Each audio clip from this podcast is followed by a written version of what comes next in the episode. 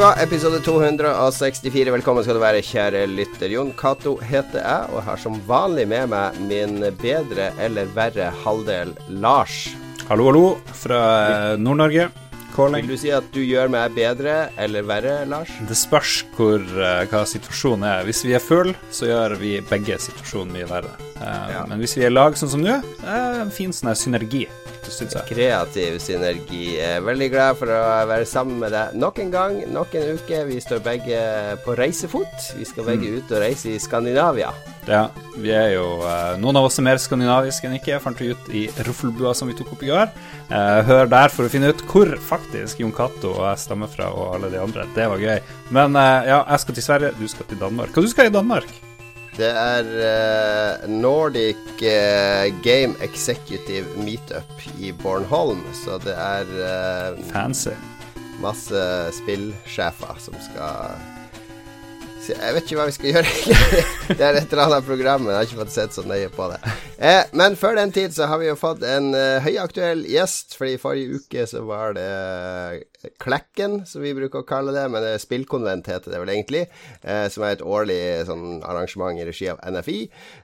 ute på et konferansehotell i Hønefoss. Og i akkurat under dette spillkonventet så ble jo også etablert, eller de ble i hvert fall eh, kunngjort at Women in Games Norway ble oppretta. Så vi har fått eh, Hva skal vi kalle det?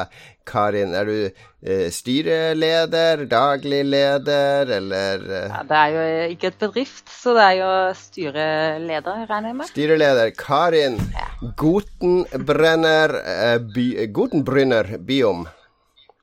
Gutenbrunner Biom. Gutenbrunner. Ja, det er, jo, er det Østerrike eller Tyskland? Det er Østerrike. Det er det, ja. Mm. Østerrike. Er det sånn alle som møter deg, og du sier at du er fra Østerrike, så begynner de å si sånn Arnold-dialekt Arnold og sånne ting? Nei, faktisk ikke. Nei. Eh, det er faktisk en av de første gangene jeg hører den. det er første gang? Uh, en, en, av de første, ja. Det var ikke skjedd. Ja, han er den største kjendisen fra Østerrike. Er det noen som er større? Ja, la oss, la oss si det. Ja. De fleste, de fleste henviser til Hitler, faktisk. Oi. Men uh, Takk skal du ha. Hvordan, hvordan unngikk vi den, liksom? Det var ukarakteristisk. skal vi snakke om motsatte, da? ok, men du kommer da fra Østerrike, og så flyt, du flytta til Norge. Du prater jo veldig bra norsk, så du må jo ha bodd her noen år? Uh, var nok 2012, så det nærmer seg sju år. Mm. Mm. Det er jo ganske kort tid, da. Og ja, gratulerer med sykt godt språkøre, det må jeg jo si. Tusen, tusen hjertelig. Og du forstår Til... det hjelper å ha barn. Det hjelper å ha barn, fordi jeg ville unngå at de oversetter for meg. Ja. Uh, så jeg måtte lære kjempefort for å holde med. Mm. altså... Det er litt urettferdig, fordi de lar jo mens de leker. Ja. Jeg måtte sette meg ned, men uh, det gikk. Mm. Du kan lære av barnebøkene deres òg, da. Ja, det er det vi har gjort. Ja, nettopp, Altså, du kom, kom til Norge i 2012. Eh, du har barn, åpenbart, så du er jo kanskje gift, mm. eller har samboer eller kjæreste? Ja, det var jo mannen min som har dratt meg hit. Ja, Du er en norsk mann? Ja, så jeg er norsk mann, jeg snakker engelsk med han. Mm. Så det var ikke mye hjelp til Larius språket. Men uh, vi har til sammen fire unge. fire barn allerede? Det er jo én mer enn mm. meg. Wow. Jeg tror det er første gang vi har hatt en gjest som har flere barn enn meg. Ja, faktisk til og med med. Eh, sammen, har vi, ja, sammen, har vi, jo bare fire. Men så har jeg to stebarn fra før. Ja, eh, og jeg er bare født to sjøl.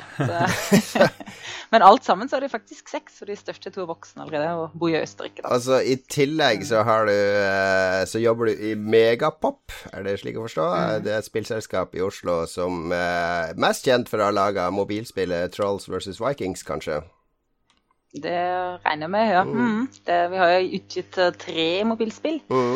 Uh, versus uh, Trolls vs. Backing 1, 2 og Meganumbers. Ja. Kom ut i fjor. Og hva er det mm. du gjør i Megapop? Jeg er prosjektleder. Okay, akkurat. Så jeg jobber da i ett år nå. Hva det vil si, hva, hva, gjør en prosjektleder egentlig, for de som ikke vet det? Du leder prosjekt, men hva betyr det egentlig? det er jo ditt og datt, egentlig. det er jo mest å um, uh, make sure that the product owner gets what he wants. Så det er jo å lytte på uh, hva som står i kontrakten, og lytte hva folk trenger, og ordne det. Uh, mm. Um, buffer mellom, mellom realliv og prosjektteamet, da. Er det ikke Det Vi har jo en Mm. prosjektleder i mitt selskap og Krillbar. Er det ikke Mm. litt som å være, en, ha litt, være litt forelder av og til òg? Eh, passe på at barna gjør det var skal. det var det første jeg fikk beskjed om da jeg kom, faktisk. Eh, Det kommer jeg aldri å glemme. Jeg satt meg ned og var skikkelig nervøs på første dagen min. Og så kom uh, designsjefen bort og sa at uh, ja, du har jo fire barn, så du vet hvordan man uh, oppdrar dem, hvordan man styrer dem. Så vær så god, ha det 14 nye. så, men det er ikke sånn. Altså. De er store voksne og oppfører seg fin. Det er godt å høre. Vi skal prate mer om Women in Games eh, senere og, eh, og bli bedre kjent med det. Men først så har vi jo våre faste spalter, og det første vi bruker å snakke om alltid, er hva vi har gjort siden sist. Det er liksom obligatorisk, føler jeg, i alle podkaster og radioprogram som er litt sånn karakterdrevne. Er det ikke det, Lars? Ja, tror, vi må liksom by på oss sjøl, og forhåpentligvis ikke kjede folk i stedet. Ja, Det handler vel om å slippe lytteren inn i livene våre. Ja, og så er det liksom Hvor mye vil egentlig lytteren vite? Jeg føler at det er litt sånn ubesvart spørsmål fremdeles. Ja, noen lyttere føler jeg har et sånn utømmelig behov for å vite mest mulig om oss. Det er kanskje de litt, eh, litt skumleste lytterne. ok, Så det her er en spalte vi burde kutte for vår egen sikkerhet? Er det det du sier? Ja, jeg har vurdert å i et helt år bare lyge i denne spalten. Altså bare si ting som ikke har skjedd med meg i mitt liv, og så se om det noen gang blir oppdaga. Men det er jo ingen det, Jeg kan jo ikke avsløre, eller jeg kan jo kanskje avsløre eh, litt løgn, det kan jeg jo, men eh, Du har jo Du hadde jo en hund som døde sånn Ok, vi skal ikke rippe opp i det igjen. Eh, la, Lars, du kan begynne. Hva har skjedd i ditt liv siden sist? Det er jo full fest i Harstad, har jeg skjønt. Ja, det er jo den ene uka hvor det er skikkelig gøy å være i Harstad. Da er det Festspillene i Nord-Norge, så da kommer det ikke bare folk fra Norge og, og litt sånn eh, De der vanlige Du tenker Kommer fra hele Skandinavia. Ja, Du tenker det kommer kanskje et mannskor fra St. Petersburg og noe tango fra Barcelona, men nei da, fokuset er mer Det er litt på det, men så er det mest det her sirkumpolare området. Det er det som er liksom blitt tingen her, da, at du skal hente Sirkumpolar, hva er det for noe? Det betyr at du henter folk fra Ikke sant, jorda er rund. Eh, Polarsirkelen går jo rundt hele jorda, så hvorfor liksom bry seg bare om eh, oss? Vi tar folk fra, fra Sibir og fra Canada og Alaska, liksom. De går rundt hele jorda da og prøver å få alle til å ha en møteplass. Ja, ja. Stemmer det. Så det er gøy. Det er mye dritmye bra. Eh, Åpninga var jo ganske kul. Det er noe som heter Norting. Eh, vi vet jo hva Storting er, men de har lagd noe som heter Norting. Det kom for fem år siden. En ganske kul kunstner som fant ut at nå er nok nok, vi skal liksom styre oss sjøl. Så han lagde et kunstprosjekt av det. Så hver gang det er Nordting, så stemmer folk, alle får stemmesedler.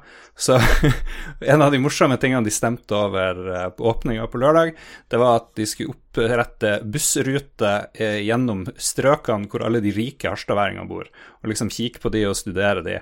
Og så tok de jo bilder av de på storskjerm, viste hvor mye de tjente, og så og hvem de var. Navn og nummer.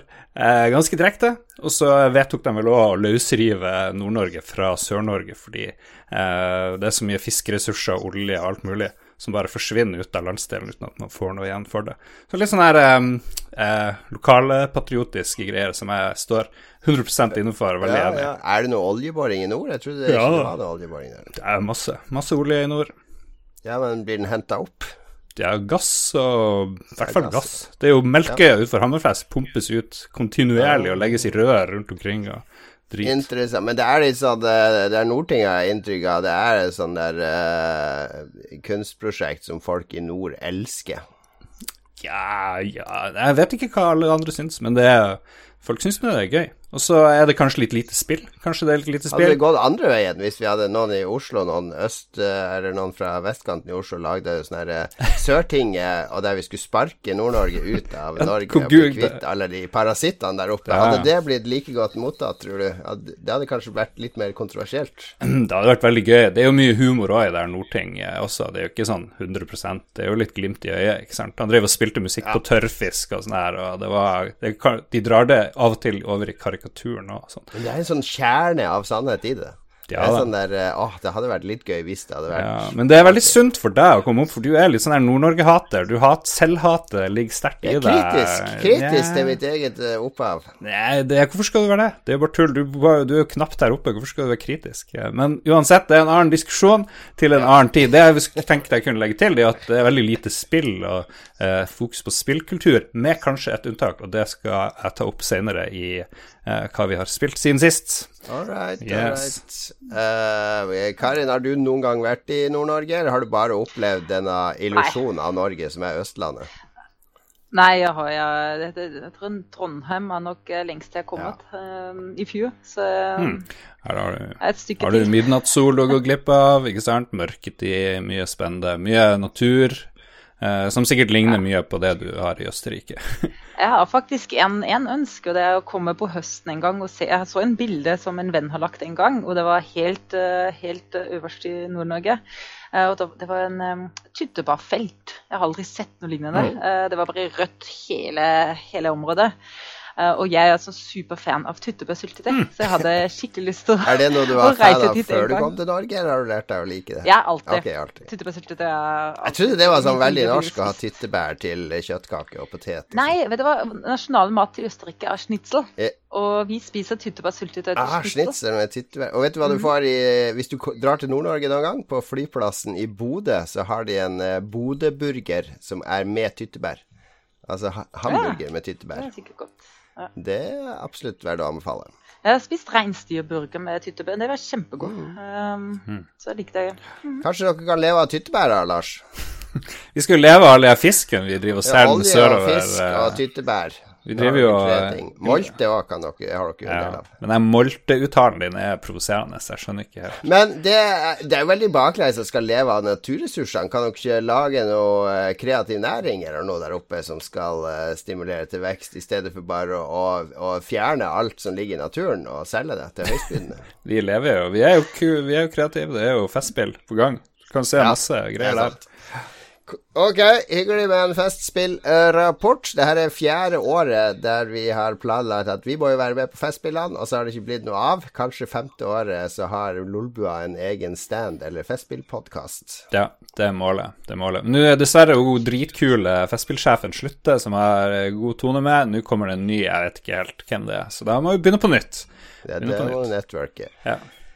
Karin, hva er du å dele fra ditt liv i det siste? Jeg har holdt det på med meal prep, faktisk. Ja, jeg har- Måltidsforberedelser? Det er det. Så det er jo faktisk en, eh, en eh, ufattelig stor eh, nettverk. eh, meal prep-gjengen. Så um, Hva- Jeg Dette er elsker å helt er helt gresk for oss. Hva er det? Er det altså at dere bruker mange dager på å forberede måltider? Nei, det er litt omvendt. Det er å bruke en halv dag på å eh, preppe maten for hele uka. En hel Eh, uke? Wow. Så det, det er faktisk kjempegøy. Og jeg liker veldig å, å eh, lage mat og fryse den ned og fylle spisskammeren min. Og er den begynner den å bli tom, Ja. fordi nå er jo høsten eh, Det er lenge siden det var høst. Og i Norge så vokser jo ingenting før høsten. Så jeg har jo fire frysere som er tomme og venter på høsten. Fire frysere? Ja, ja, ja. Vi har kjøper gris og lam og alt eh, på høsten. Og grønnsaker som er kortreist, og så fryser vi dem ned. Lager egen bacon og alt. Hele, hele pakke. Så du, på høsten så samler du opp mat nok i fryserne til at det varer et helt Det er år? riktig. Nei, det holder ikke et helt år. Men jeg prøver å gjøre mye. Jeg, jeg vokste opp på et økologisk gård, så jeg er veldig vant i, i kortreist mat. Ja. Eh, Og jeg må jo påstå at når jeg flyttet til Norge, så gikk jeg hjem gråtende fra butikken, for det var ingenting jeg gjenkjente som eh, kvalitetsmat som jeg var vokst opp med. Det er jeg enig i. Det er litt trist. Ja. Norske butikker er litt sånn Lidl pluss. Uh, Lidl har nok mye mer kortreistmat. Har de det òg, ja? Ja, de har det.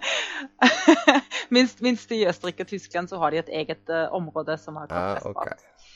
Så, men, uh, men jeg fant mine veier. altså Det er rekoring jeg ble kjent med. og og sulting, mye mer sulting enn jeg var vant til fra før. Og fant en venninne som jeg kan dele jobben med å lage bacon fra. Ja. Så hun, eh, hun røyket den mens vi lager den. Kult. Så det er kjempegøy. Det er en helt Så, annen um, Altså, meg og Lars vi er vokst opp på ferdig frossenpizza og uh, Fiskepinner. ferdigmat og fiskepinner og sånn, så det er, det er en helt fremmed verden for oss. Ja, det Mannen min er akkurat det samme. Det er faktisk ikke så enkelt å få ham til å spise min mat av og til, men, men han venner seg til det òg. Ja. Jeg lager veldig mye fra bunnen av. Men det må jo være veldig er sunt for barna å få sånn type mat. Ja, det håper jeg. Det er jo en av de grunnene hvorfor jeg gjør det nå. Jeg håper at jeg, de blir vant til det altså, og gjør det sjøl når de er eldre. Mhm. Eh, Jeg vil jo at de ser hvor maten kommer fra. altså Det er derfor vi gjør det. Kan du Eh, slakte og alt? Eh, jeg er litt dårlig på det, det må jeg påstå. Eh, vi har jo høna i hagen, og når de har det dårlig, så, så må vi jo slakte dem. Ja. Altså, vi er jo nødt til å, å sørge for god dyrevelferd. Eh, men det skjer for takknemligvis ikke så ofte. Men uh, siste gang så var det, var det Morten som har gjort, uh, gjort det faktisk, og tok henne. Så jeg er veldig glad for det. uh, men, men jeg spiser dem, da. Ja, ja, så det, det gjør jeg. En sløy fisk, det, det, det klarer du. Jeg liker ikke fisk, Å, nei. What? Liker ikke fisk?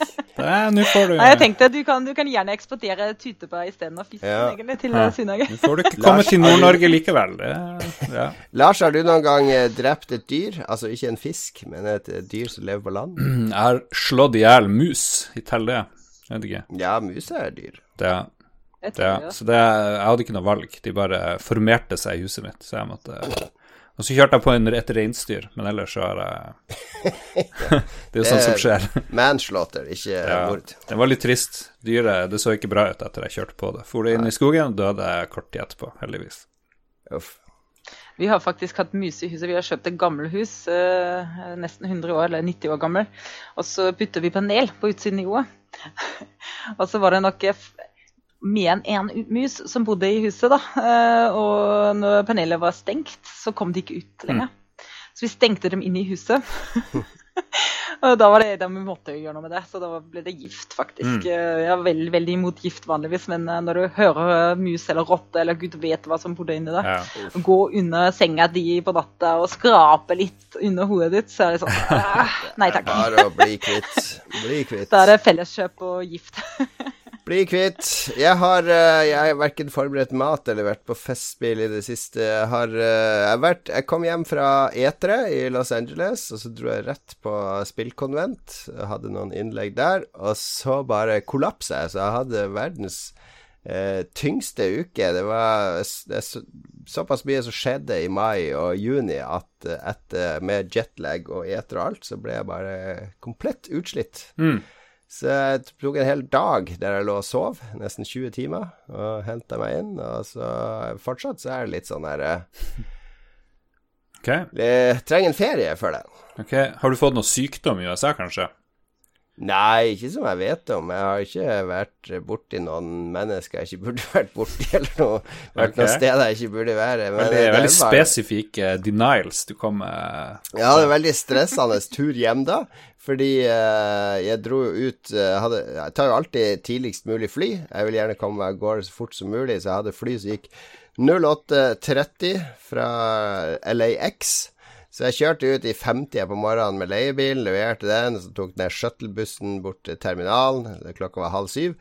Så sjekker jeg på appen da uh, hvilken terminal jeg skal til. Og det står jeg skal på terminal 3, men det flyet er innstilt. Jeg skulle ta et fly til New York, og så fra Oh. New York til Los Angeles. Og så jeg bare Hæ, jeg har ikke fått noe SMS eller push-varsel eller, eller mail om det fra SAS. Jeg hadde bestilt alt via SAS. Så må jeg begynne å ringe til SAS, da. Eh, det tar jo et kvarter å komme gjennom på telefonen, og så bare 'Å ja, ja, men har du sett? Ja, men det, det flyplanet var innstilt, ja.' Ja, ja, ja, ja. Og så bare Ja, men skaff meg nå et annet fly, da. Enten få meg til New York, så jeg rekker det der flyet der, eller en annen rute hjem. Så det orger og styre, ja, det blir vanskelig, kanskje jeg må vente til søndag og sånn. Jeg var lørdag morgen. Jeg, glem det, jeg har barn som sitter hjemme og venter på meg. Jeg har, sønnen min ble 18 år på søndag, ikke sant. Jeg hadde koffert full av gaver. Bare skaff meg et fly. Så ja, jeg har klart å skaffe meg et fly. Delta til Minneapolis, Minneapolis til Island, Island til Oslo. Et skikkelig melkerute, men greit nok. Så da drar jeg bort til Delta. Det er jo bare 40 minutter å gå i sånn eh, 25 graders eh, morgensol på LAX. Eh, kommer jeg til Delta, der er det jo Det er jo innenriksfly i USA. Det er, det er et styr uten like. Det er bare sånn kaos. Det er akkurat som du ser på film. Masse folk står og vifter med sånne papirer, billettene i lufta og roper og skriker og sånn. Helt uorganisert. Så jeg kommer meg fram til sånn innsjekkingsskranke der, og hun bare Ja, uh, your ticket uh, Your ticket hasn't been priced, sir. Jeg så bare Yeah, yeah. Just give me a seat. no, no, it hasn't been priced. Uh, what does that even mean? Ja, Det kunne hun ikke forklare, men det gikk ikke an å sjekke inn. Altså, jeg, hva, hva, kan jeg gjøre da? Jeg Enten kunne jeg betale 3000 dollar for å få wow. prissatt billetten og Hæ? kjøpe den ut. Hva er det slags scam, det der? Ja, det er skikkelig scam. Eller så måtte jeg ringe til SAS. Så ja, ja. En ny halvtime på telefonen med SAS. Og så ordna de opp, og da fikk jeg sjekka inn den kofferten. Og da ser jeg jo bare slenge ned kofferten i et hjørne bak skranken og der sure dama. Så jeg bare Ja, den kommer jo aldri med det flyet. Oh, no. Og tror du den kommer, i flyet? Nei, den ble stående igjen i LA i to døgn, så jeg kom hjem til Oslo kom fullstendig utslitt. Står og venter på den der kofferten. Står én time i den der Lost and Found-skranken med SAS, fordi SAS klarer ikke å finne kofferten i systemet engang, fordi det her Delta skanna den aldri inn på flyplassen. Hmm. Så det ble jo den detektivjakten der. Endelig kom jeg hjem, sove, opp, sommerfest i borettslaget, ut til Klekken, bla, bla, bla. Så det er ikke rart jeg kollapsa til slutt. sånn god historie på tur hjem. Ja, ja, ja. Det ble, fikk sånn ja. reiseavsmak. Så i morgen skal jeg ut og det bare til Danmark jeg skal, da. Så det håper jeg går greit. Mm. Det verste syns jeg det er når du er på flyet, og så plutselig blir jeg litt sånn klam og litt svett. Og sånn ja, og så er det også sånn at jeg har jo reservert seter ved midtgangen og sånt. Jeg betaler jo ekstra for å få de setene, men når du blir kasta inn på sånn melkerute, så blir du jo bare skvisa inn imellom den ene setet verre enn det andre, midt iblant folk og unger og alt som er. Så det er Nei, mm. Nei, jeg du har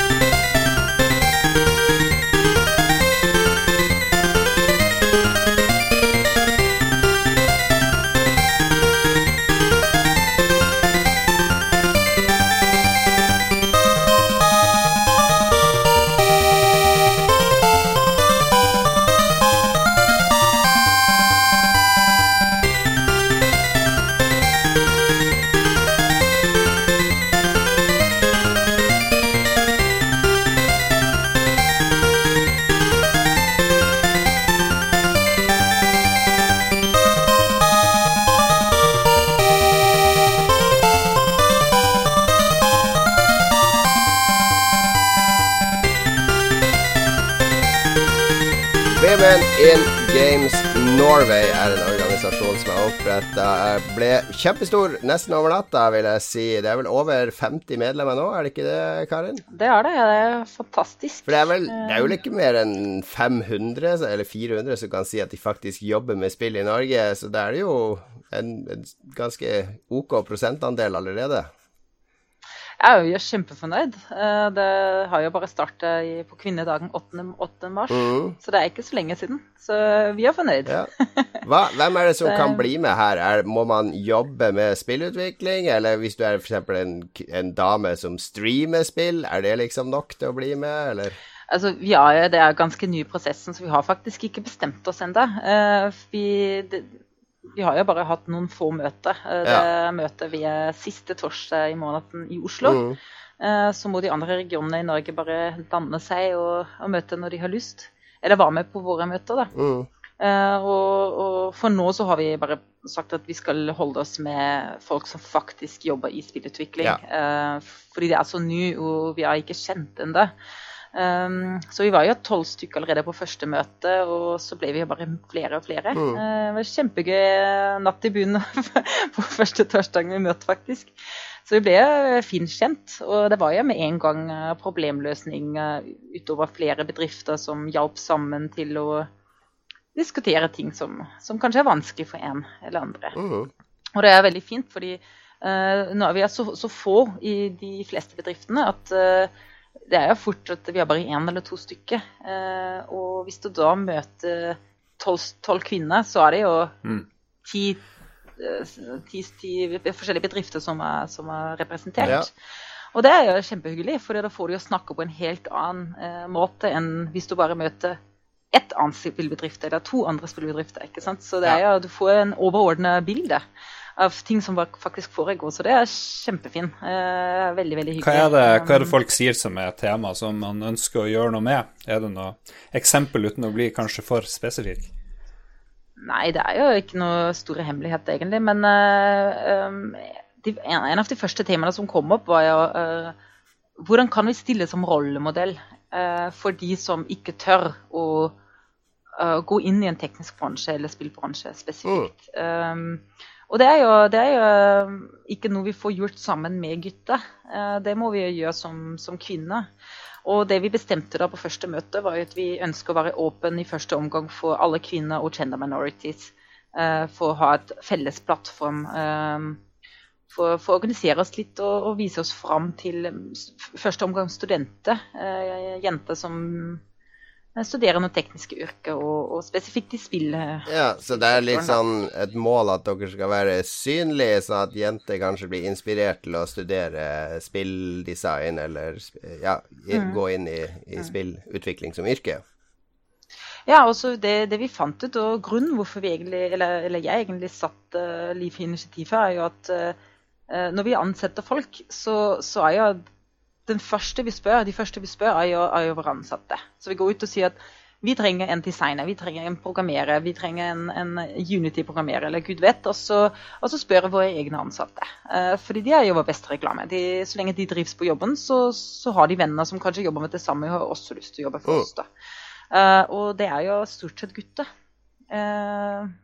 Og det er jo ganske logisk. Altså, man har jo gjerne, gjerne samme gender som, som vennekretsen. da.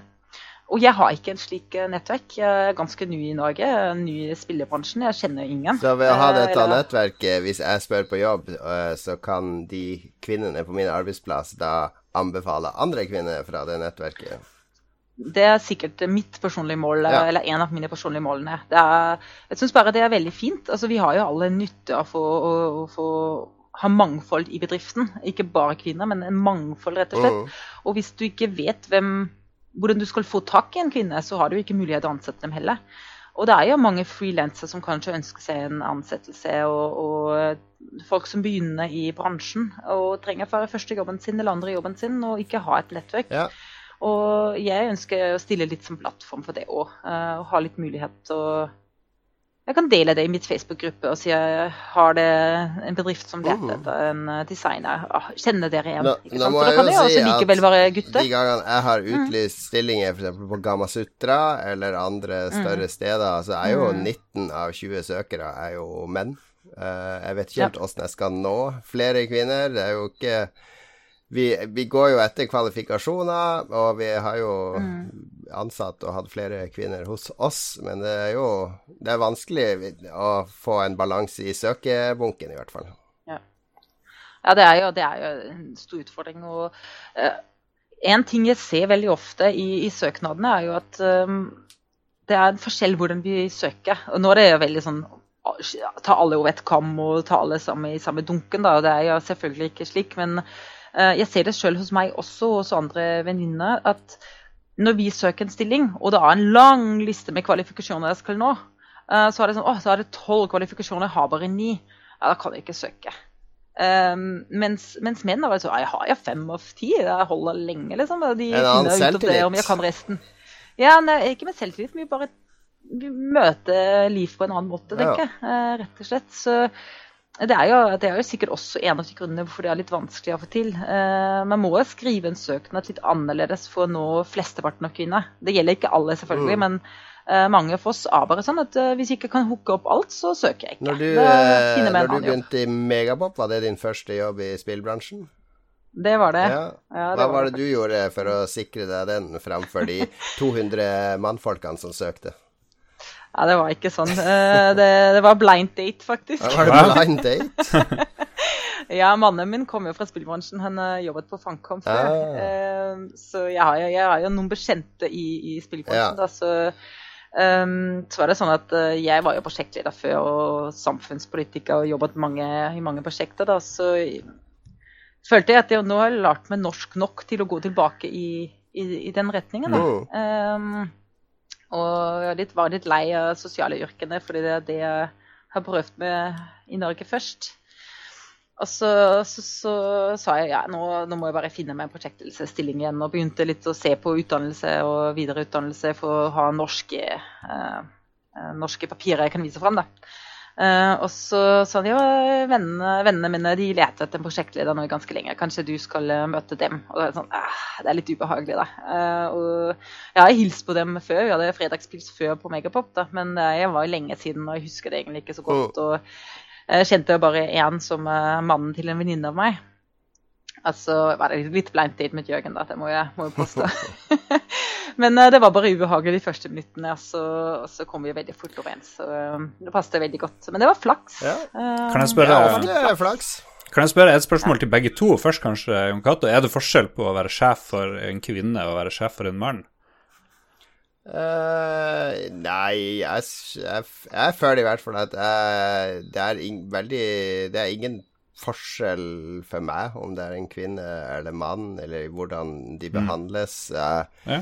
Eneste er hvis vi skal på tur og sånne ting, og hvis vi skal bestille hotellrom og sånn, så prøver jeg jo å putte kvinner på samme rom og menn på samme rom. Eh, men bortsett fra det, så er det ikke ja, noe Det er bare, Jeg, jeg var interessert i noen forskjellige svar fra deg og Karen. Jeg har jo gått i 8. mars-tog siden jeg knapt kunne ja, gå. Nå har du snakka nok. Nå er det Karen. Ja, så jeg er jo vokst opp i et hjem der min, min, far var jo den som lagde middag hver dag. Ok, Du er veldig likestilt. Min, min, mor gjorde jo ingenting, så ja. jeg er jo vant til at uh, Din mor gjorde ingenting? ingenting. Hun gjorde ingenting hjemme.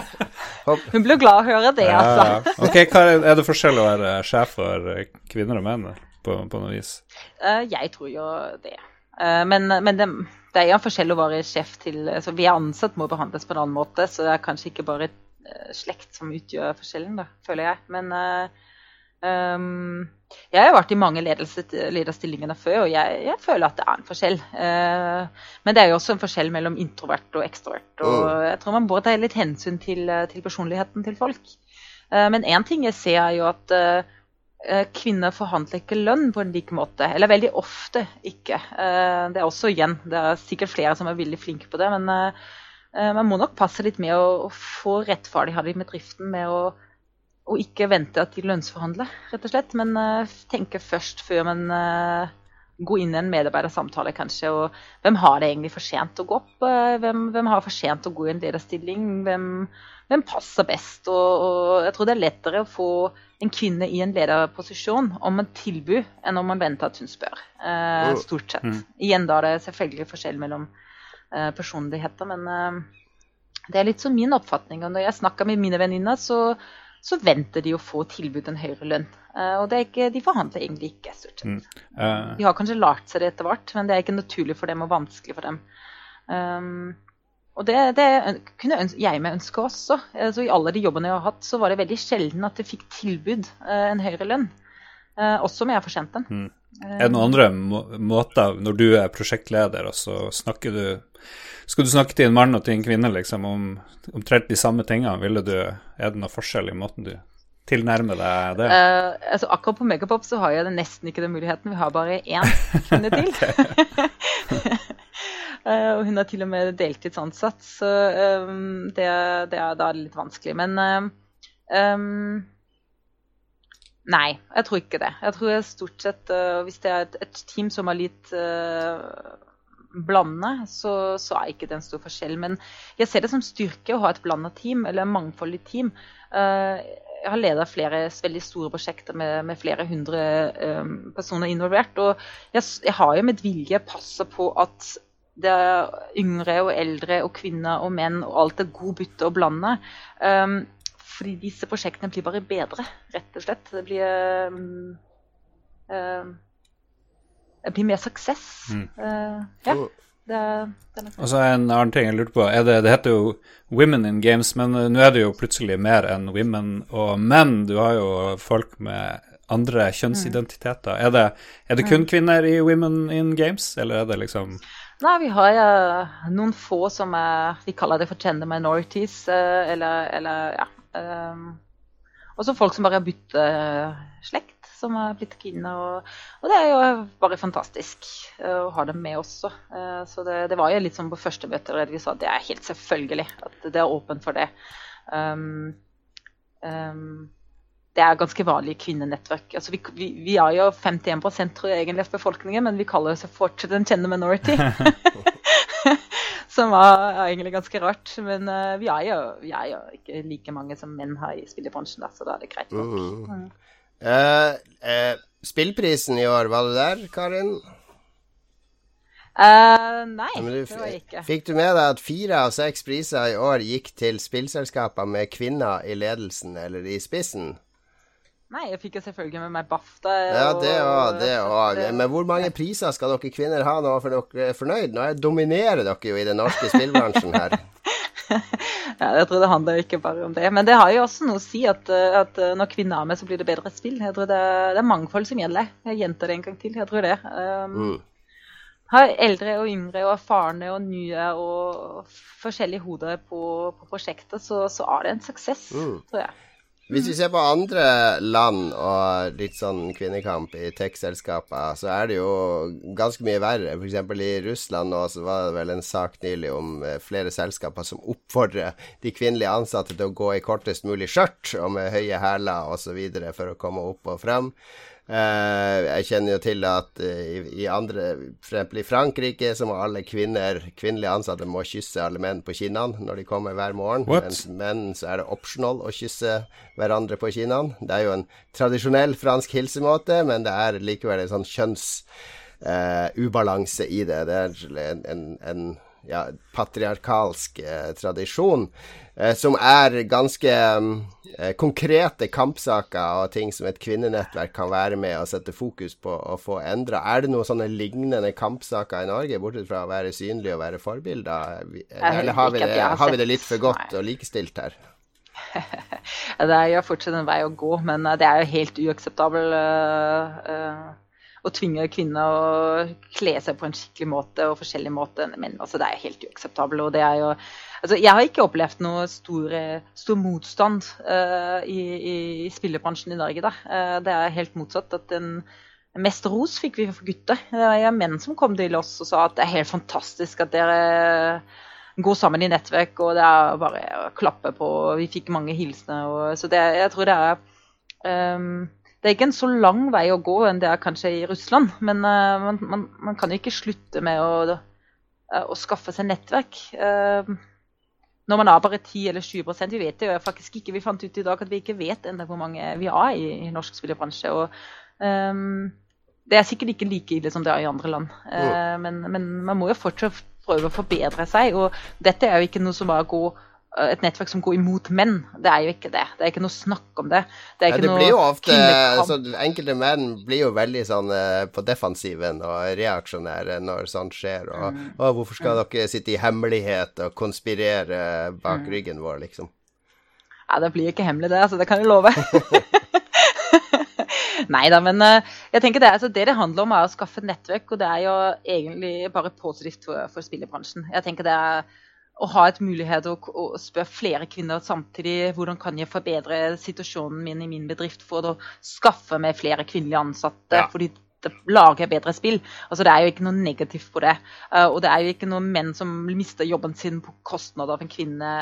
Altså, det, det, er ikke sånn det funker. Men det er ikke, eh, fordi, fordi Facebook-gruppa deres er jo lukka, så det er jo ikke sånn at hvis en av ja, medlemmene like, ja. går ut og sier at uh, den og den i det selskapet uh, gjorde det og det ovenfor meg, så blir det jo fort sladder, sånn hemmelig sladregruppe der vedkommende kanskje ikke blir mm. konfrontert med disse påstandene. Det kan, det kan bli noen uh, ubehagelige situasjoner ut av det, kanskje?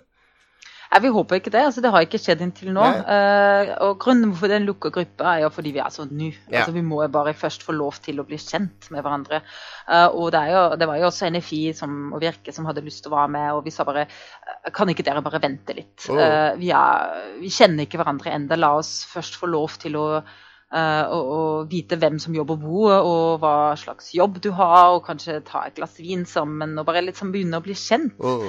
Uh, og det er jo ikke mer lukka enn en, uh, norsk spillutvikler Facebook-sida lukka for de som jobber i spillebransjen. Jeg tenker det er litt samme måte. og Det er ikke sagt at vi ikke åpner, åpner senere, men oss finnes ikke et kvartal ennå, liksom. Nei, nei, nei. Altså, vi har akkurat Jeg skjønner at det er baby, baby steps mm. først. Og, ja. og det, det, vi snakker om nå, det er faktisk ganske gode diskusjoner. Uh, hvem er vi, og hvordan skal vi framstille oss? Og det er akkurat den temaen ja, et tema. Mm. Det har vi begynt å diskutere i dag, og, til og med ikke det i en hel gruppe ennå. Uh, det må jo først ut i hele gruppa, og alle, alle, må få lov til å uttale Mm. seg som er medlemmer.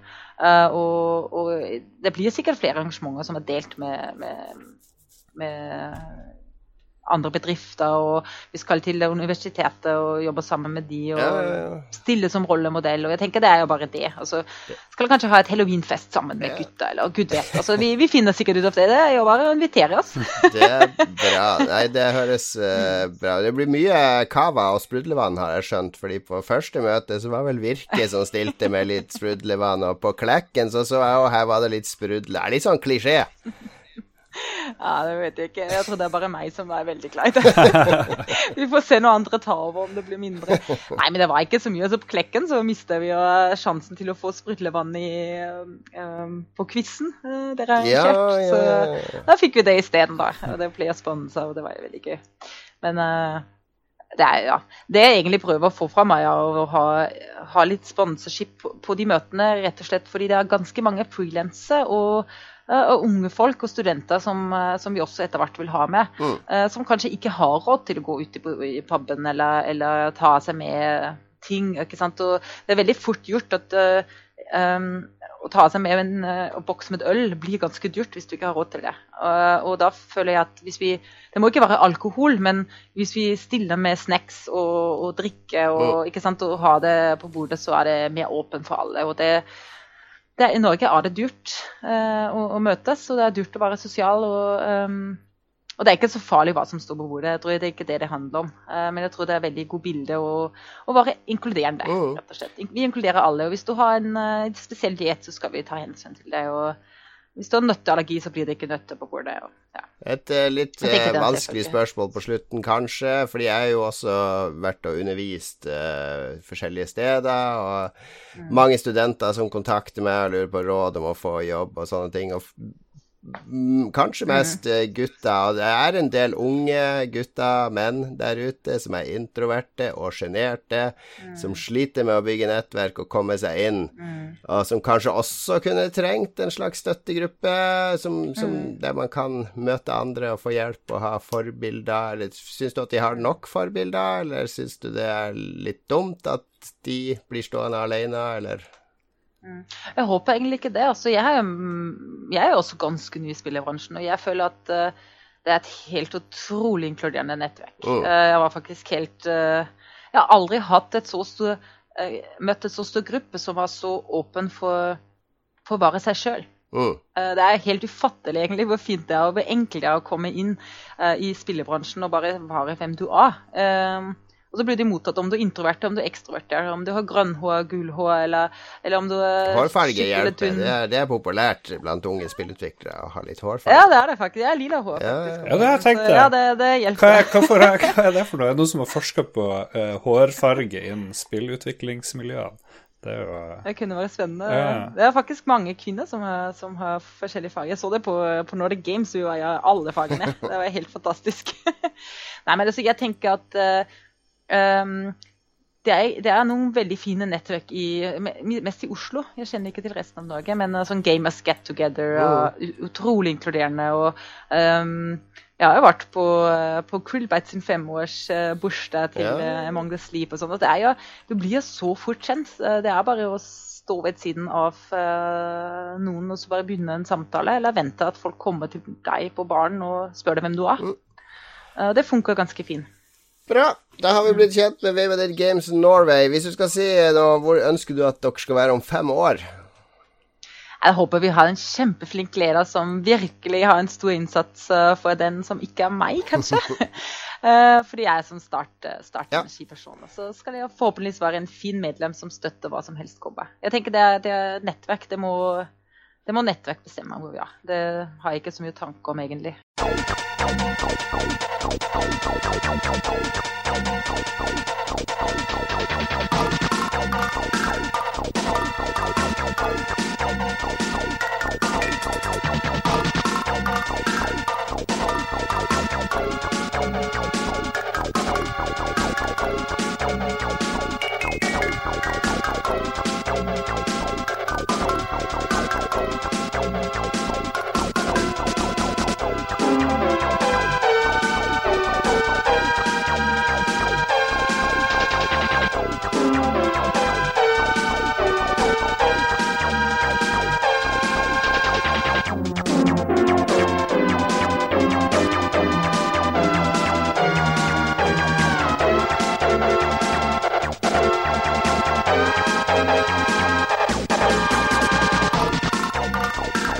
spilt siden sist, står det i mitt sendeskjema. Det er vår fasteste av de alle spalter, nemlig der vi snakker litt om hva vi har spilt av eh, data- eller computer games siden sist. Eh, Lars, har du hatt tid til å spille noe i det hele tatt med Festspillene? Nei, egentlig ikke, men jeg har jo gjort noe spillrelatert på Festspillene, så jeg tenkte jeg skulle formidle det. Og så siden jeg har to eh, spill som jobber med spillutvikling her, så kan liksom dere komme med deres syn på, på det. Jeg kan jo bare kjøre i gang. Jeg har nettopp vært på eh, en forestilling som heter Situation Rooms. Eh, kanskje drar det tankene til eh, the, the Situation Room. Det er jo der presidenten i USA tar viktige avgjørelser, men så er det også eh, sånn her uh, puzzle room, hva det heter de der escape rooms? Escape. Escape. Ja. Og så, um, er, det, er det ikke ett rom, men det er masse, masse rom. Det, vi er inne i en idrettshall hvor noen har bygd kulisser på kulisser på kulisser ganske tett i tett i to etasjer, og det er hemmelige dører, det ligger objekter rundt omkring. Og greia er at du er ikke der alene, du er der med 20 andre. Eller 19 andre, dere er 20 til sammen. Helt på starten så får alle hver sin iPad og sitt eh, headset, og så er de nummerert fra 1 til 20. To eh, går til én eh, dør, det er to på hver dør, og alle kommer inn på en ny situasjon, og alle er en unik person. Og hvert syvende minutt så resettes det her, så blir du en ny en ny person. Men du går videre i handlinga, og det som er litt gøy, det er at eh, du plukker opp objekter underveis som du gir fra deg eh, som en person, og så får du kanskje det tilbake som en andre person senere.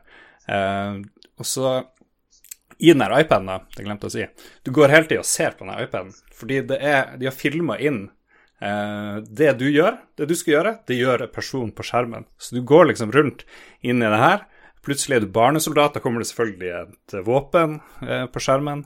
Eh, du er pakistansk dronepilot.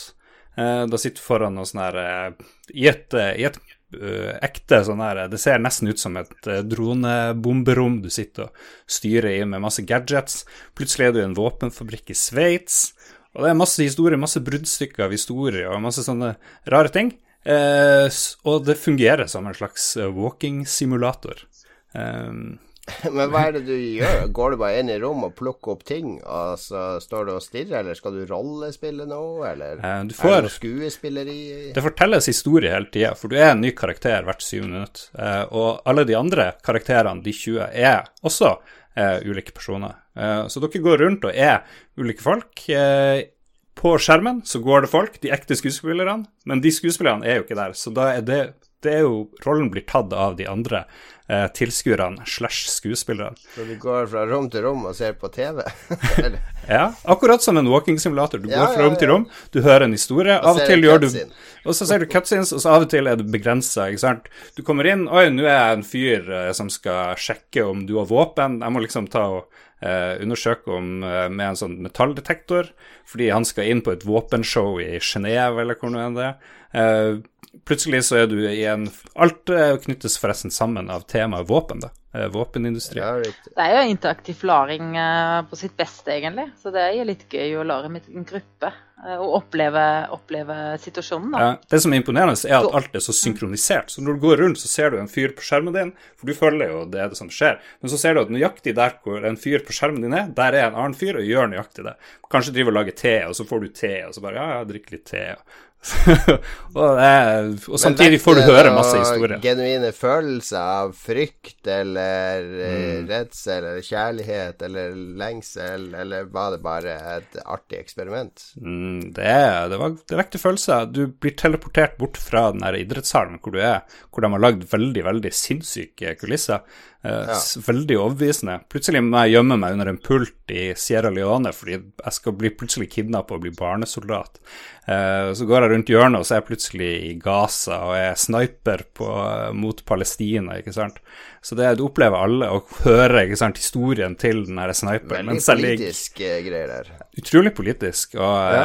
veldig effektivt, og no, ulikt noe helt annet jeg har opplevd. Så jeg kjenner jeg forklarer det litt dårlig, men jeg tenker debugginga må ha foregått akkurat akkurat som når du lager et dataspill. Fordi du har 20 personer i et svært bygg. Eh, det er heis der, det er, liksom, det er elektroniske dører du skal plukke opp minnekort som du er liksom plutselig hacker i en våpeninstallasjon, ikke sant. Så alt må klaffe jævlig bra. Og plutselig så jeg en fyr som bare kom springende gjennom rommet. så tenkte jeg ok, det der var ikke skripta, han er bare for sein, for det er litt lett å miste tråden. Så. Så du har 20 spillere som også er tilskuere, og det er bare sinnssykt mind blown, hele greia. Så jeg tenkte finnes det interaktive multiplayer-walking-simulatorer. Eh, For det følte jeg at uh, det her liksom kunne fort blitt et videospill eller et dataspill. På P, det kjenner jeg ikke til. Det minner meg om når jeg var i LA nå, på E3, så var vi jo på sånn koreansk spa med hun uh, Anita Sarkisian. Uh, hun kritikeren. Og det var noen venner av hun der. Og da endte jeg opp i prat med to av de om immersive theater, som de var veldig opptatt av. Mm. Fordi i New York så er det en sånn forestilling som heter Sleep No More, som har gått i mange år, der du Jeg tror du sjekker inn på et hotell som gjest, og så er det masse folk der på det hotellet, og en god del av de er skuespillere, som er der hver dag, og andre er bare vanlige folk sånn som det. Og så er det en sånn eh, Det er sånn rollespillgreie. Du kan bli dratt inn på et rom og få en pakke du må levere, og alt mulig sånne ting. Så det er liksom Du kan spille det flere ganger og ha helt forskjellige opplevelser. Mm. Eh, det er litt annerledes enn det du opplevde, men det er likevel en sånn der eh, immersive element i det, og det er visstnok mm. noe som er på veldig framvekst. Det, det var første gang det er vist i Norden der, da. Det har vært rundt omkring mm. i hele verden, men det kommer sikkert til Oslo en eller annen gang, og det er absolutt anbefaler. Det er jo som sagt 20 karakterer, men du opplever kun 10 av de, så i løpet av 90 minutter så er du liksom 10 av karakterene av de 20. Du er 10 av de 20, så må du se, du må se det to ganger, liksom, eh, for å få med deg alle. Og det er liksom måten du sklir fra det ene til det andre, og det er fremdeles helt sjokkert over hvordan det gikk bra, liksom. Det høres veldig spennende ut, må jeg si. Jeg har veldig lyst til å prøve det. Ja. Vi, vi, får se om mm. Situation Rooms kommer til eh, Østlandet i nær fremtid. Jeg har spilt mer normalt spill. Eh, det kom jo et nytt Zelda-spill nå nettopp, som heter Zelda. Åssen uh, uttaler du det? Cadence? Cadence of Hyrule. Ja, det ser veldig rett ut. Ja. Uh, det, det, er jo et spin-off-spill fra Crypt of the Necrodancer, som var et sånn kultspill som ble superpopulært for noen år siden. Der det var basically et sånn rogue-spill der du beveger deg på et rutenett gjennom randomgenererte dungeons, og så må du bevege deg i takt med musikken. Alle fiender og du sjøl beveger seg i takt med musikken. Så det er veldig artig soundtrack og går opp og ned i tempo osv. Så, videre. så alt er avhengig av at du liksom klarer å danse med fiendene og, og slå dem med sverdet i takt med musikken. Og Nintendo syntes dette spillet var så kult at de uh, approacha utviklerne og sa kan, kan dere ikke lage en Zelda-spin-off basert på det her? Så det er et helt nytt Zelda-spill som er Det er sånn blanding av Link to the Past og Crypt of the Necrodancer, der du styrer enten Link eller prinsesse Zelda. Du får velge hvem av de to du vil være i starten. Uh, rundt i Hyrule og finne oppgraderinger, bekjempe monster, uh, masse hemmeligheter og grotter og templer og bosser osv.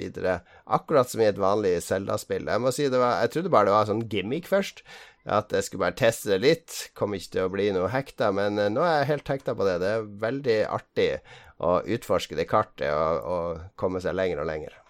Var du noen fan av det der uh, Crypt of the Necrodancer? Ja, det likte jeg. Jeg liker jo alle spill med musikk og rytme og mm. takt og sånne ting. Det har jeg jo alltid likt. Jeg prøvde det i fem minutter, ble veldig frustrert. Jeg vet ikke hva det var. Jeg, ikke, det liksom, jeg skjønte det ikke rytme. Du har ikke Det ble avslørt på den gentesten i går at du har ingen gener, rytmiske gener, Lars. Det kan du uh, si. Jeg vet ikke om det fins noen gener der jeg var fra. Jeg kan ikke spoile det her. Sett, det jo, uh, du har mye Finland i det. Har du noen gang sett en finne på dansegulvet som danser i takt med musikken? Finskene elsker tango, men nå driver du og spoiler. Det må vi kutte bort. Det her er kun for ruffelbua. Abort. Abort. Ok. Karin, hva har du spilt i det siste? Har du tid til å spille med seks barn? Ja da. Jeg må jo påstå at jeg, jeg, begynner å spille mer og mer, egentlig. Uh, det er litt, egentlig litt sånn det går. Um, jeg, jeg, jeg, likte aldri sånne multi, multiplayer løp rundt og skyte folk-spill, så jeg har jo alltid hatt en følelse av at jeg spiller ikke, men, uh, men egentlig spiller jeg ganske mye. Og i det siste så, så har jeg spilt en del Life is Strange, og så kom jeg ut toen, så jeg måtte også spille den. Ja. Uh, ble ikke helt ferdig ennå, men, uh, men, så kom jeg på at det er en genre jeg liker veldig godt. Og det er jo sånn interaktiv boklesing. Og så prøvde jeg noe nå som heter Late Shift. Uh, fant det på Steam. Um, det er en sånn interaktiv film hvor du bare ser en film, og det er jo en thriller som, som går kjempefort. Uh, og ja. jeg var litt overraska på det. Jeg spilte, spilte litt i går i dag. og det går kjempefort, og du ser bare på en film som er superspennende. Og jeg er en av de som alltid snakker i filmen og sier 'nei, ikke gjør det'! Nei, nei! Ikke gå dit! Oh my god! og nå får jeg bestemme det. jeg kan si 'ikke gå der'. jeg vet ikke hvor mye det har å si. Jeg har ikke spilt en annen gang ennå, så jeg vet ikke om, om outcomen er faktisk noe annet eller ikke. Det, det, er vanskelig. Men, uh, for det er dansk spill, er det ikke det? Jeg har vært borti det for lenge siden. Uh, det er nok uh, Høres litt engelsk ut, egentlig. Uh, tror det var eng så det er engelske skuespillere, minst, uh, ja. i aksenten, tenker jeg. Um, jeg har ikke researcha det, jeg bare lastet ned og begynte å spille. Så. Men uh, kjempemorsom. Uh, det er litt som Movie Plus eller, eller Serie Pluss eller Bok Pluss. For meg føles, det, føles den sjaren litt uh, det, som, som framtid film. Sånne spill, når jeg har spilt de, så har jeg Jeg spiller de aldri på nytt for å utforske, fordi da har jeg laga min story. Jeg føler at hvis jeg spiller det på nytt og gjør andre valg, så blir opplevelsen mindre ekte, eh, hvis, hvis, du skjønner hva jeg mener. Altså, jeg vil ikke Jeg vil bare ha den opplevelsen som jeg lagde. Eller så blir det bare et produkt eller et leketøy som jeg kan leke med, og, inn, og det som mm. Fortelles, har ikke noe relevans. Jeg er litt enig med deg, men, eh, men eh, på Life is Strange 1 så, så er det jo litt tvunget til å gjøre det av og til. Og, uh, og det, det, var egentlig berikende, berikende for opplevelsen, mm. føler jeg. Jeg vil ikke spoile det. Men jeg vet ikke om jeg, om jeg ser Late Shift, Late Shift, en gang til. Det vet jeg ikke. men det er, det er, en film. altså Det er en, akkurat som en serie. Det er ekte skuespillere. Det er ikke mm. Du bare bestemmer gameplay litt. Altså, gameplay av å bestemme det som skjer, litt. Um, så du bare ja. Bandersnatch én gang, Jon Cato? Der var det jo eh, Jeg drev fortvilt og prøvde å få noen bedre endings. Den ja, der eh, Netflix uh, Men det var sånn rar at du kunne hoppe tilbake. Det var ikke noe game over. Det var ja, Den klikka jeg meg litt rundt på for å se mest mulig Jeff Minter. Men sånn som Heavy Rain og sånne ting, jeg har bare spilt det én gang. Jeg har bare én ending der. Ingen uh, fornuftige mennesker spiller David Cage mer enn én gang. David Cage. ja, nei da, jeg tuller. Ok, interaktiv film, Late Shift. Zelda Cadence of uh, Hyrule, eller åssen du uttaler det. Og Lars anbefaler, hvis du kommer til en by nær deg, Situation Room, så kan du gå rundt mm. med headset og iPad og ja. uh, være forskjellige ja. personer. Jeg tok faktisk og spurte noen av de som sto bak, som var litt sånn teknisk ansvarlige. Bare, synes dere, Har dere tenkt at det minner veldig om dataspill, det her? Bare hæ? Dataspill? Nei, det er jeg, jeg, de så for seg sånn herre uh, Hva det heter for noe? Uh, Black Ops og liksom den typen spill, tror jeg. Eller Fifa, jeg vet ikke. Jeg tror ikke de har spilt så mye Typisk forutinntatthet. Det var akkurat det samme da jeg var på NRK P2 i dag. I 15 minutter. Det var ikke det samme, de hadde gjort research, men det er litt sånn Ok, nå skal vi snakke 15 minutter om uh, spill i et kulturprogram. Det er litt sånn der uh, er, det, er, det, virkelig kultur nok til at vi kan gjøre det? Er det ikke bare Candy Crush og drap og GTA? Mm. Nei, det er ikke det.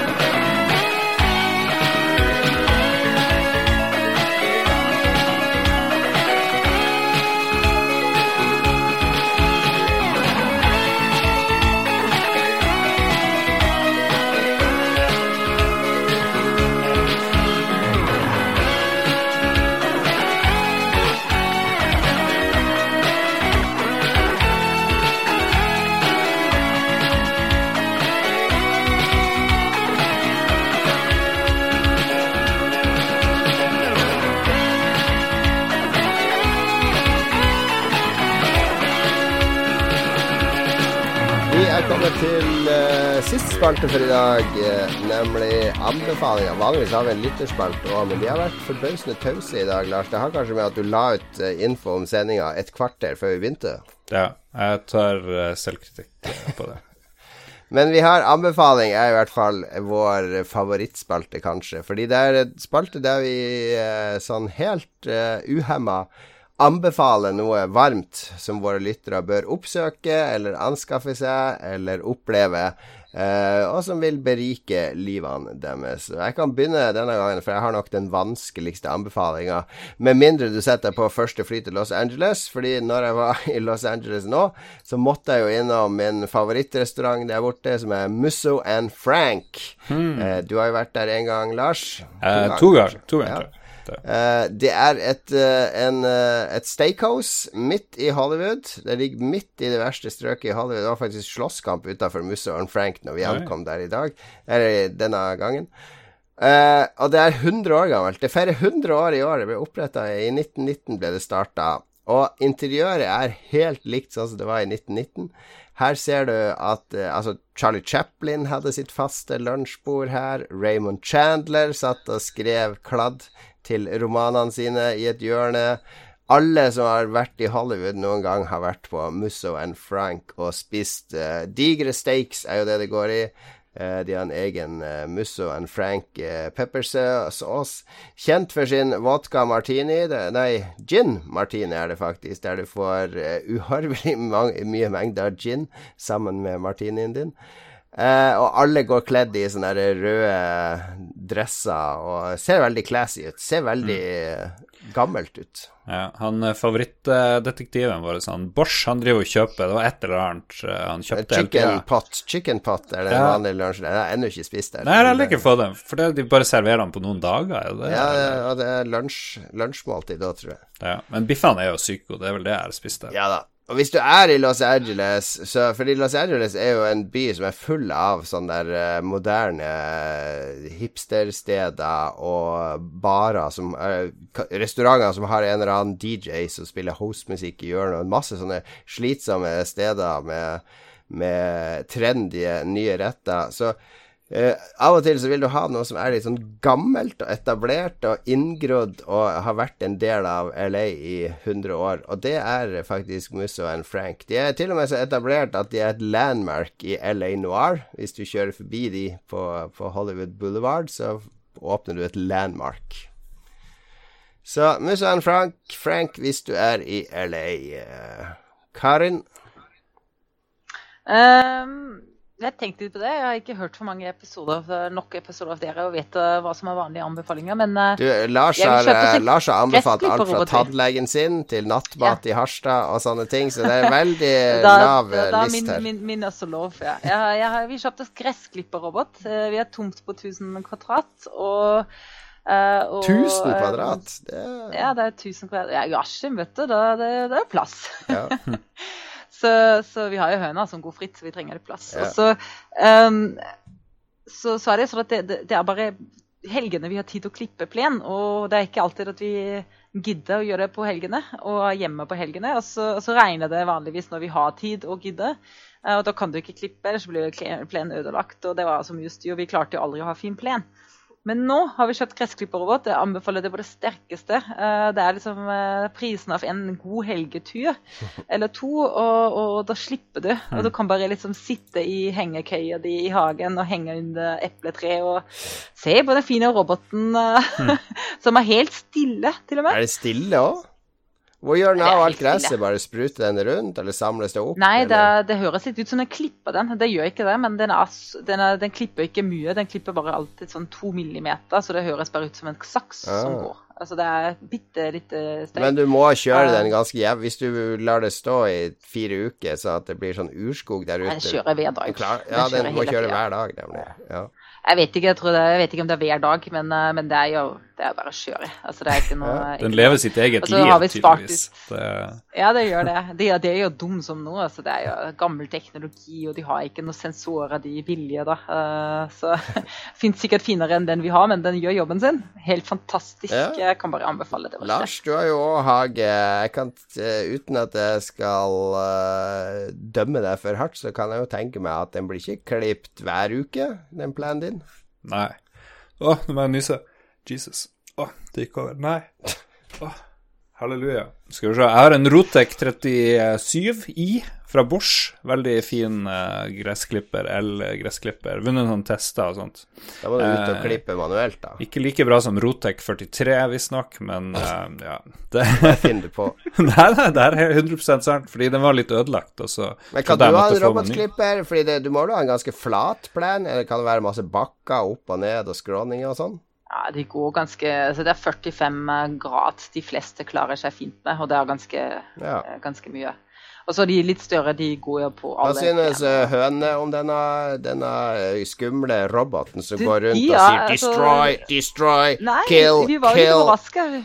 Ja, vi trodde de kommer sikkert til å sitte på toppen av den, eller noe sånt, men uh, de har lært seg akkurat da den går. Og når den kommer rett bort til den, så vet de at uh, den går ikke over en viss grense, og de sitter bare der og ser på den. Og den kommer liksom helt dit, helt til nesa, så kjører de den videre, og de bare sitter der helt avslappa, altså, ikke noen reaksjon lenger. Mm. Mm. Dyr og maskin hånd i hånd med robotgressklipper. Ja. Lars, det skal handle om uh, kjemperoboter. Og det er jo ikke roboter, kanskje, men uh, Mech eller noen sånne ting. Du, uh, ja. du driver og nostalgiglane. Som vanlig så må du tilbake til 90-80-tallet for å finne noe glede i det du ser på. Ja. Året er 95, oktober. Da på TV Tokyo så kommer serien Neon Genesis Evangelion. Og jeg husker det spredde seg et rykte Det er jo Jeg vet ikke om vi var så mye på internett akkurat da, men det var, det var liksom Hvis du skulle se anime, og jeg var veldig glad i det på 90-tallet, så måtte du se Neon Genesis Evangelion. Og nummer én, det har en awesome intromusikk. Helt magisk. Jeg uh, husker ikke hva den heter, men avslutningsmusikken var bra. Det var 'Fly Me To The Moon', hvor de synger 'Fry Me To The Moon' og sånt. Veldig morsomt. Den avslutningsmusikken har de kutta bort, så Men det er nå det. Det handler 'Fly Me To The eh, Moon' blir jo også brukt i Bajonetta. Det er jo en remix av den der som er interessant. Jeg tipper det er noe rettighetsgreier. Nei, det handler om sånne giganter. Det er Tech Pacific Rim, eh, litt sånn, da. Ehm, du har menneskeheten har eh, noen sånne eh, svære MEC-greier, som de kaller evangelion. Og så er det masse aliens som de kaller angels, og de angels-greiene de kommer og invaderer i tide og utide. Um, og jorda, det er litt sånn i fremtida. Eh, det har vært noe Det er strengt tatt i fortida, for det foregår vel i 2015 eller noe sånt. Ja, ja, ja, det er rett. Men de har eh, vi har ikke like god teknologi i 2019 som de har i Neon Genesis. da. Gjerne sånn det, ja. Eh, de, bor, de har sånne enorme byer under jorda og mye weird shit. Men eh, det jeg liker med Neon Genesis Evangelion når jeg ser det på nytt, eh, og jeg har ikke sett alle 27 episodene, det er jo at det er sinnssyke detaljer. De har brukt eh, Det er ikke alltid de har like mye frames på animasjon, men det er bare et, et, en sånn vill, massiv angrep på hjernen din og øynene dine av masse små detaljer hele tida en animasjon som du ikke ser i dag. I dag er det jo sikkert det meste tegna på data og gjort litt uh, enklere. Her gjorde de det veldig, veldig vanskelig. Um, og det som også skiller det ut fra moderne anime, er at det er eh, ganske dystert og tregt. Mye tregere enn en TV-serie tør å være i dag. Eh, det handler om eh, mest en eh, sånn 15-åring eller hva det er for noe. Ganske ung fyr som henter sin av faren sin, og de hater hverandre, selvfølgelig. Det er jo helt mye... revolusjonerende i anime at det handler om en 15-åring. ja, det er veldig revolusjonerende. Og han, han må, siden far, han og faren hater hverandre, så flytter han inn hos ei sånn her dame. Og det er litt sånn weird forhold med han og der eldre dama. Jeg vet ikke helt. Det er mye, mye sånn lave cuts av uh, ja, for det, jeg så den ja. første episoden fordi jeg så Jostein drev og maste om det her på mm. Twitter. Og så bare Ok, jeg har aldri sett det før.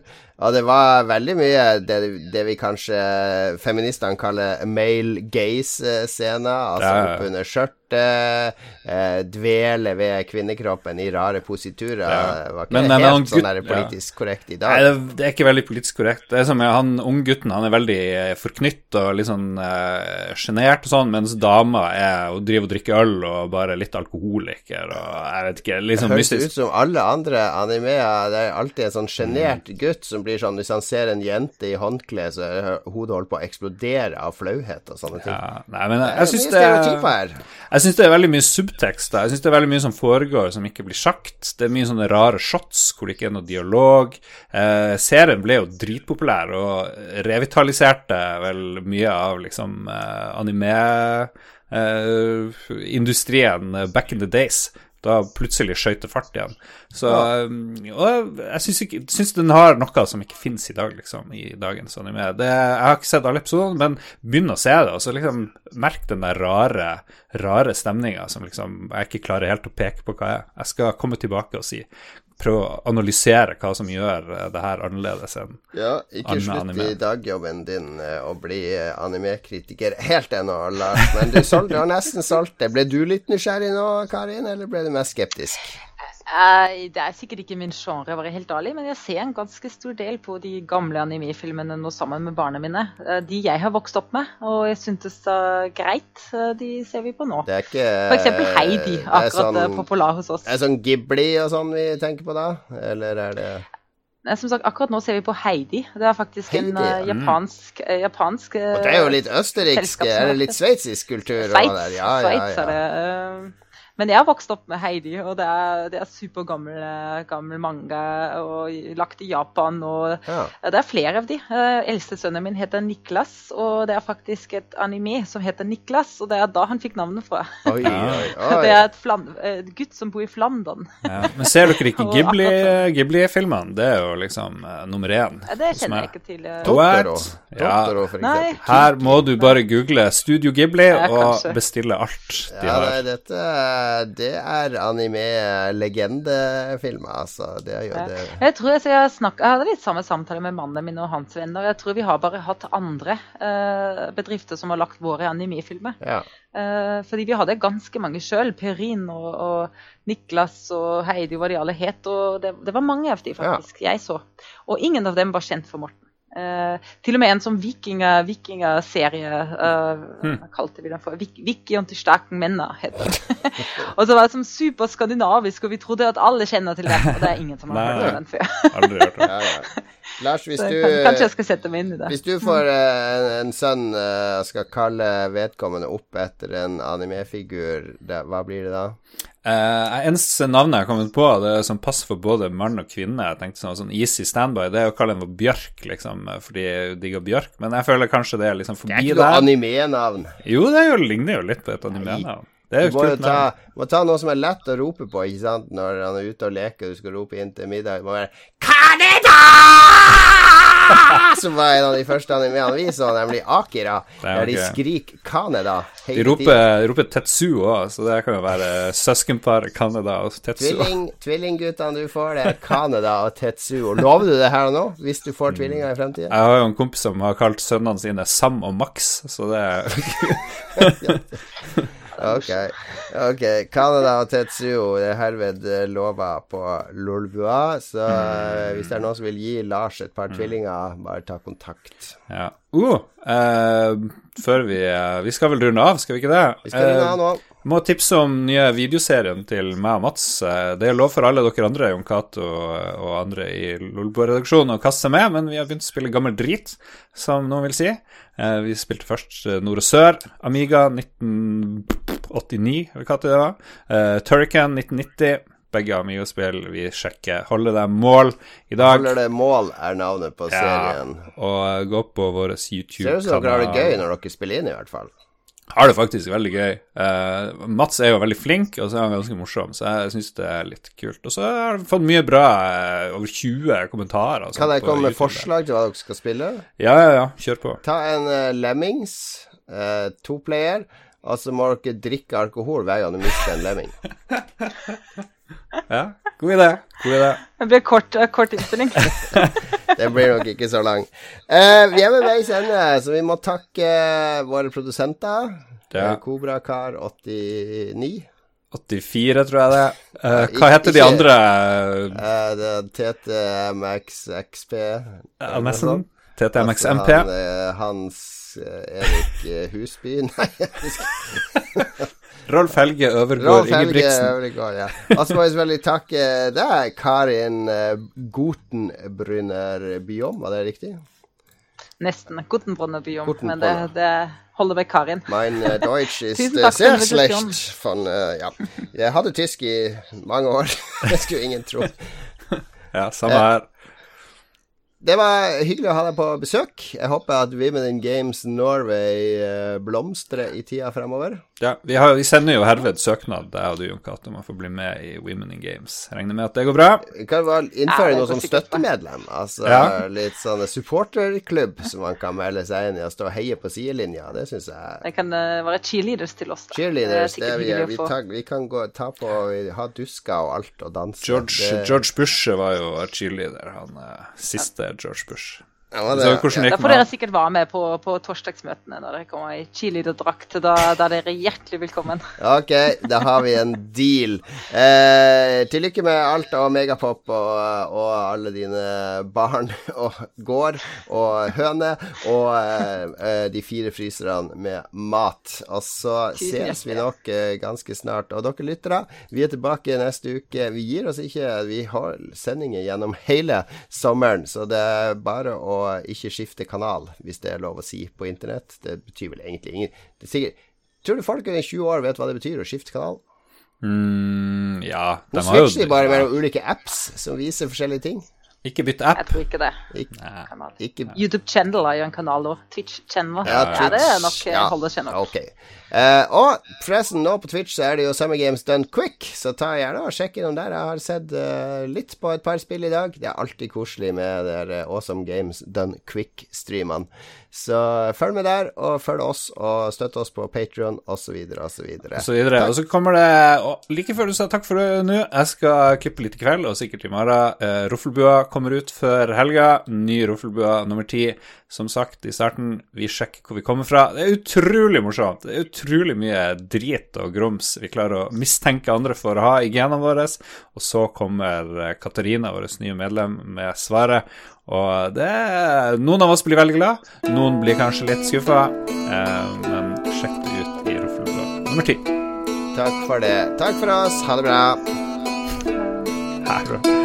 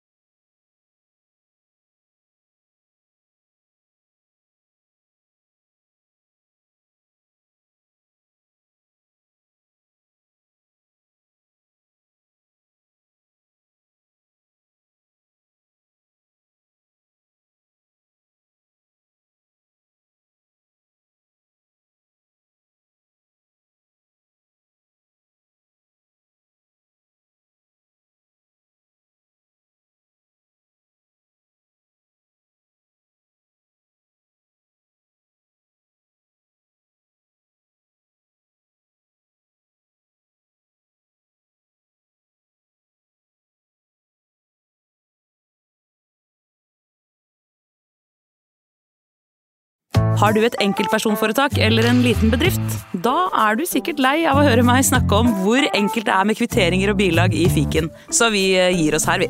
Fordi vi liker enkelt. Fiken superenkelt regnskap.